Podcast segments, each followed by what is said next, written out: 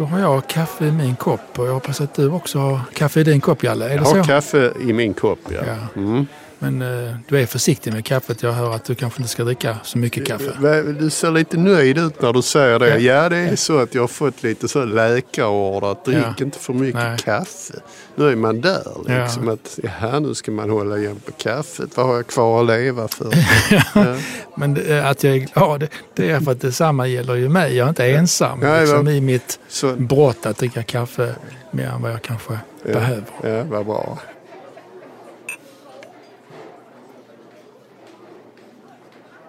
Välkomna till eh, Mångfaldspodden. Och idag är det med mig, Aldo, och med Jalle Lorentzon som är chef för Malmö kulturskola. Jag antar att det ska jag väl säga.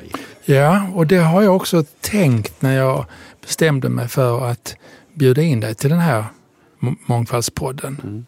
Hur ser du på begreppet mångfald? Ja, men om du säger mångfald till mig och jag är chef i Malmö så tänker man, ja men då gäller det för mig hela befolkningen eller alla barn och unga. Och, och även från de områden i stan där det bor många som har kommit hit, där föräldrarna kanske inte har växt upp med den kommunala musikskolan eller med kulturskolan. Och då är mångfald för mig, ja men då vill vi ha med de barnen och de unga också. Hur går det? Alltså, kulturskolorna i gemen tror jag är sämre på det än vad man vill prata om. Ja. I, i, i, Sverige i stort så tror jag det är rätt nymornat att man måste nog medvetet arbeta för mångfalden. Därför att det går till som en kulturskola att man skickar ut, vi har de här kurserna och de som har sökt, man har inte gjort något direkt uppsökande verksamhet utan man det har varit föräldrar som har känt till den här kulturskolan som har sett till att söka. Det är överraskande för man har ju en förväntan på kulturlivet om just vara någonting annat, någonting öppet inbjudande. Men det du beskriver, det känner jag eftersom jag har jobbat med de frågorna, det är en diskussion som också gäller kulturinstitutioner, opera, teater, konserthus med mera. Varför är det så? Ja, varför är det så? Det är sant det du säger. Inom symfoniorkesterbesök eller operabesök och sånt där så är det en bildad medelklass, majoriteten som går. Va? Det är ju till och med så, så att i mina mörkaste stunder kan jag tycka att kulturen är en plats för segregation istället för integration. Va? Och jag är rätt säker på att alla vi som är inblandade i kultur och arbetar med det, inte någon har en tanke på att vi ska segregera. Det är självklart inte så utan det är en omedveten segregation. Och då måste man ju, varför det är så är ju helt enkelt att till exempel varför fanns Malmö kulturskola för några år sedan bara i västra delarna av stan? Ju närmare havet ju mer kulturskola. Så kan man säga. Och, eh, Och närmare havet, vilka bor där? Ja, det blir ju de som har pengar. Mm. Eh, och det är ju rätt tragiskt. Och där är några enkla faktorer. Den ena faktorn har varit avgifterna, att de har varit höga. Det kostar att gå på kulturskolan. Men de, nej, tidigare kostade 550 kronor per termin. Det är ändå väldigt billigt. Ja, det är mycket om man inte har 550 men det är väldigt billigt Mm. Ja. mot vad det egentligen kostar. Mm, För att om man tänker Malmö som stad så är det Mm. per capita ingen rik stad. Nej, det är det inte. Men i andra kommuner ligger det på 1200 och 1500 och sånt. Så 550 var rätt billigt. Men nu har vi sänkt det till 300 kronor och det är billigare. Märks det skillnad? Ja, det gör det. det är, Vi har tagit bort ett hinder. Då är det ett verkningsfullt eh, Ja, sätt det, att det är ett, öppna upp. men, men det räcker inte med Nej. det. Sen måste man vara där barnen är. Så vi måste vara ute på skolor i hela Malmö och ha verksamhet direkt när de kommer ut från sin matematiklektion och egentligen skulle gått hem så går de istället Mm. till sin kulturskoleträff. va? Ja. Och sen måste vi ha något som är kul. Och, och, och där kan man tänka som 50, eller jag brukar säga som 58-åring, men nu är jag tyvärr 60. Där kan man hamna rätt fel. Vad tycker barn om? Det gäller ju att träffa rätt där. Och vad vi då har gjort i den här stan. Alltså jag prövade en sån här hiphop-studio. Eh, jättefräck personal fick jag tag på. Jättebra människor. Och vi var i någon studio ute i, i Rosengård faktiskt. Och då, äh, det kom ingen. Vi lyckades inte locka någon till det. Funkar inte alls. Jag vet inte vad vi gjorde för fel. Men... Så vi gick ut med klassisk musik. Tromboner, pukor, trumpeter. Och, och Det är jättestort. Vi har hundratals som tycker Mm. det är jätteroligt att spela. Det kallas El Sistema, en modell vi har hämtat från Venezuela. Varför, Och det är succé. varför är intresset så tydligt just gentemot det? Ja, det är Sverige att vi råkar komma in på själva skollokalerna. Så det är vi på några skolor nu och kör detta El-system. Mm. Men jag tänkte också det här med hiphop och kanske finns det föräldrar som tänker liksom kriminalitet, droger och annat. Och tänker man klassisk musik så tänker man kanske bildning och, Det kan och, vara så. och så. Va? Jag Olika associationer. jag ska nog inte klydda till det Nej. för mycket för att använda ett malmöitiskt. Utan Mm. det här med hiphop, att det inte drog, det var det som lokal utanför skolbyggnaden. Okej. Bara det att få någon att gå två kvarter räcker för att det Mm. inte ska funka. Det andra är att ja, men hiphop vill man nog hitta på själv. Mm. Det vill man inte ha vuxna. Det ska Nej. inte vi komma och peta i.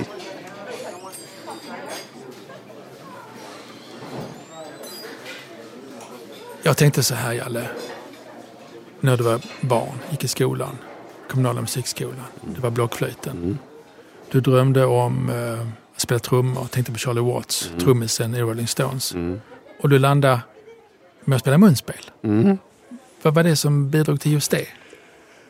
Alltså, det, det är en del som vi i, i kulturskolevärlden missar. När man, det är ju när man är 12, 13, i mitt fall nog 14 tyvärr, så börjar kroppen växa, eller hur? Man börjar bli vuxen. Och då börjar själen också växa. Mm.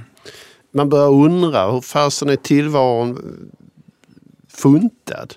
Och man kommer på att man ska dö och sånt där hemskt. Och då behövde jag uttrycka Ja. mig. Jag var bara oerhört krav på jag måste få uttrycka mig.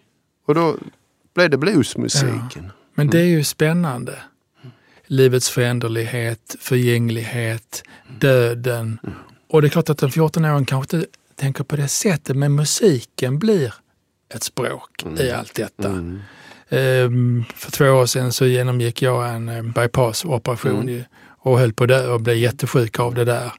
Och eh, i den ångestsituationen så tänkte jag liksom att livet rinner iväg, tomhet, vad finns egentligen?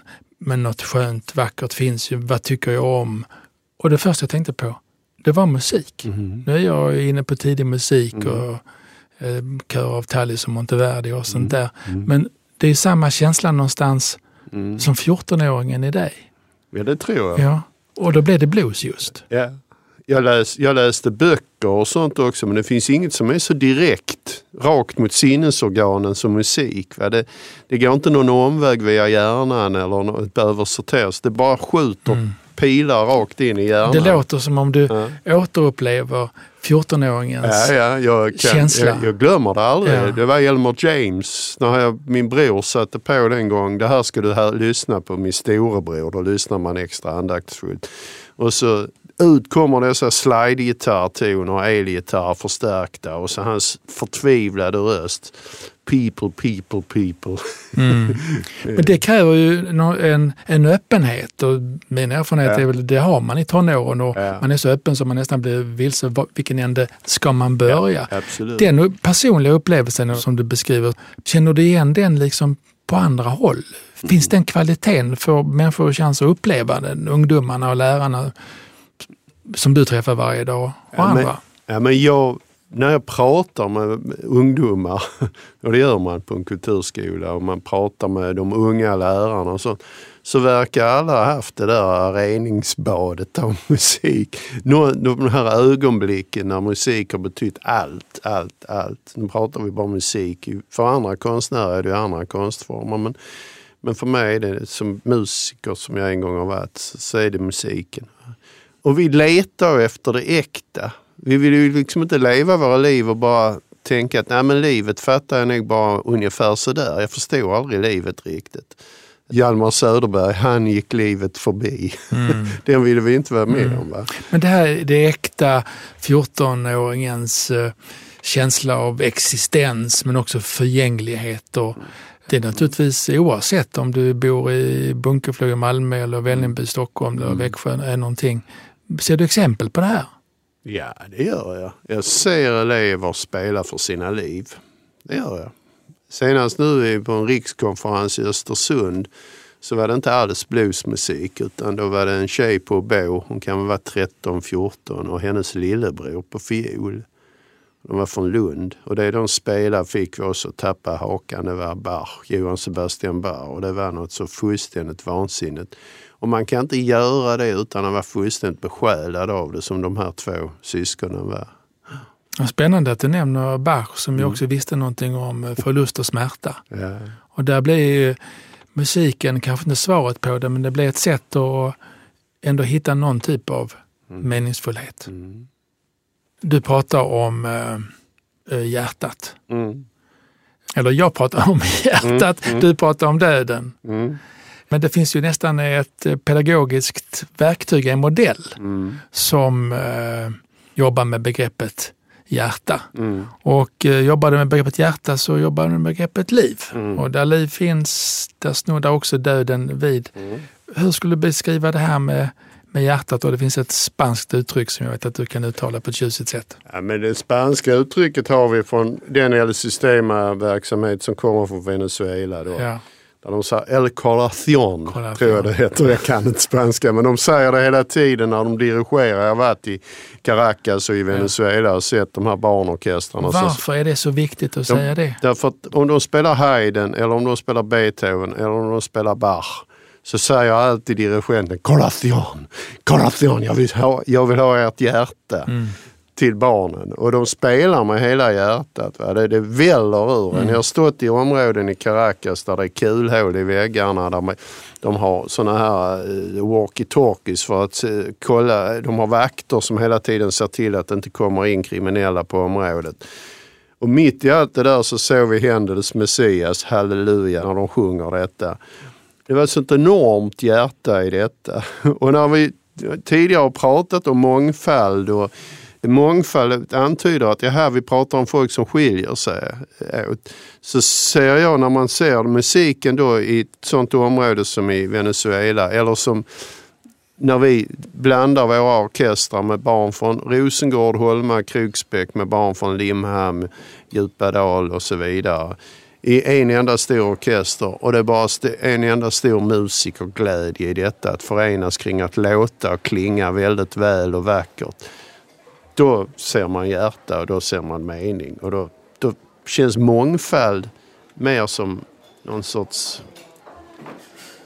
ja, lite konstruerat för det är, inte, det är både mångfald men också en enorm gemenskap tillsammans och den är enkel att nå om man använder musiken rätt.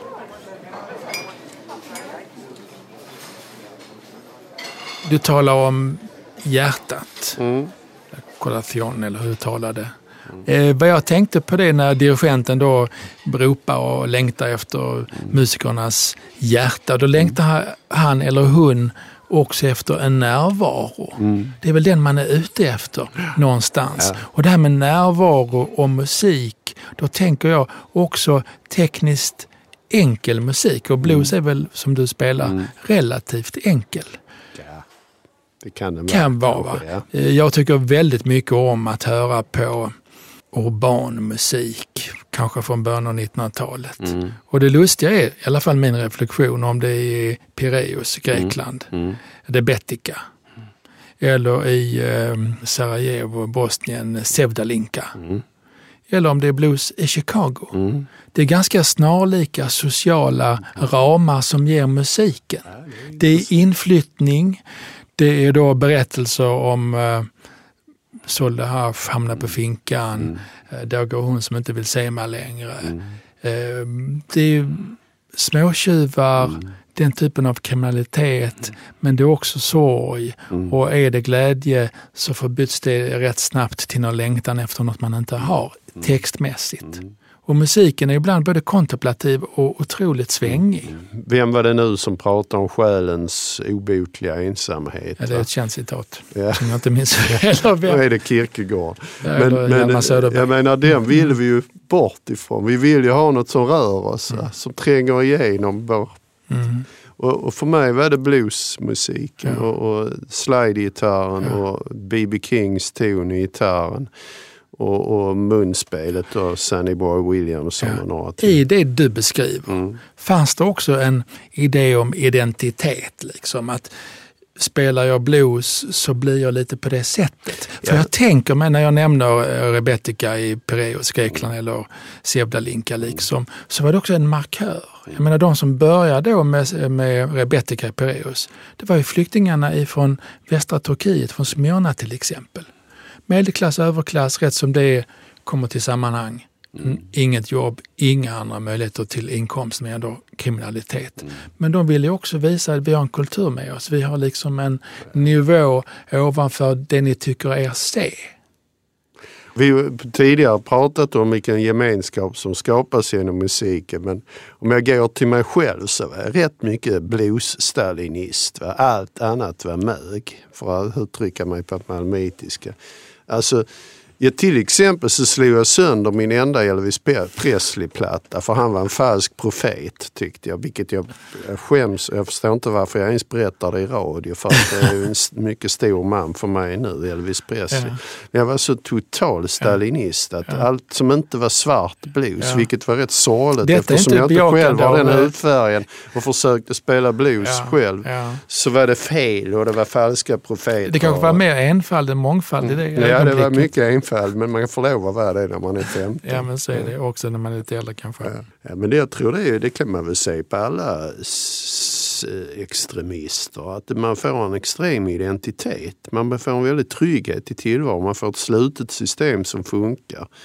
Alltså, om jag gick på skolgården och den tjejen jag var kär i blev kär i någon annan så ja, men jag är ändå bluesmusiker, det är inte han.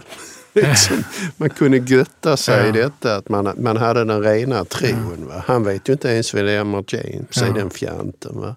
Så att eh, det är alltid skönt att ha rätt, något, så, ha ett slutet säkert system mm. som vi Detta kan är, ju, vila i. ja, Mm. detta är ju 15-åringens drastiska beskrivning av världen och så här är det och en vecka senare så kan det ju ändras. Så det finns en mänsklighet och en förståelse och mm, kanske känna en ödmjuk eller en ömhet för, för uh, unga människor som är på det sättet. Liksom. Men om man tar upp det samhälleligt, liksom, finns uh, samma mekanism här där det blir en social markör och någonting som stänger ute. Vad säger du om det?